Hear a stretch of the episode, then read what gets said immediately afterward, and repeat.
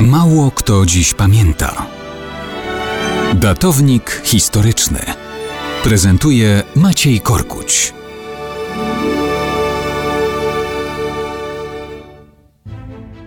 Na tapczanie siedzi leń. Nic nie robi cały dzień. Wielu jeszcze pamięta wierszyk Jana Brzechwy, natomiast mało kto pamięta, że taki przydomek miał ostatni we Francji władca z dynastii potężnych niegdyś Karolingów.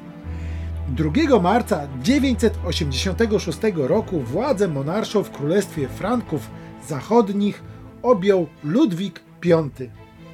W naszym opisie historii występuje jako Ludwik V Gnuśny.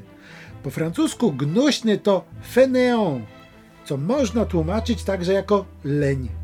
No, nieciekawy przydomek dla króla. Ale może to była zemsta historii na Karolingach.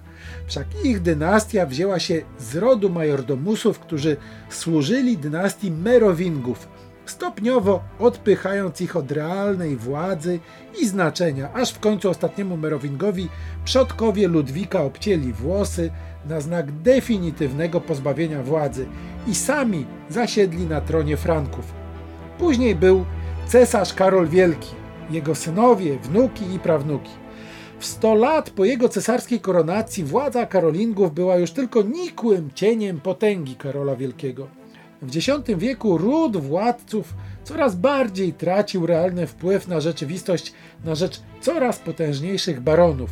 Przez 100 lat schodzący ze sceny historii Karolingowie rywalizują o tron z Robertynami, wywodzącymi się z zachodniofrankijskich elit możnowładczych. Karolingowie słabną, kiedy Robertyni stają się coraz mocniejsi. W końcu 2 marca 986 roku umiera Lotar i władzę przejmuje ów Ludwik Gnuśny, czyli Leń. Panuje zaledwie rok. Umiera nagle i bezpotomnie na skutek upadku z konia. Władzę obejmuje ambitny Robertyn Hugo Capet.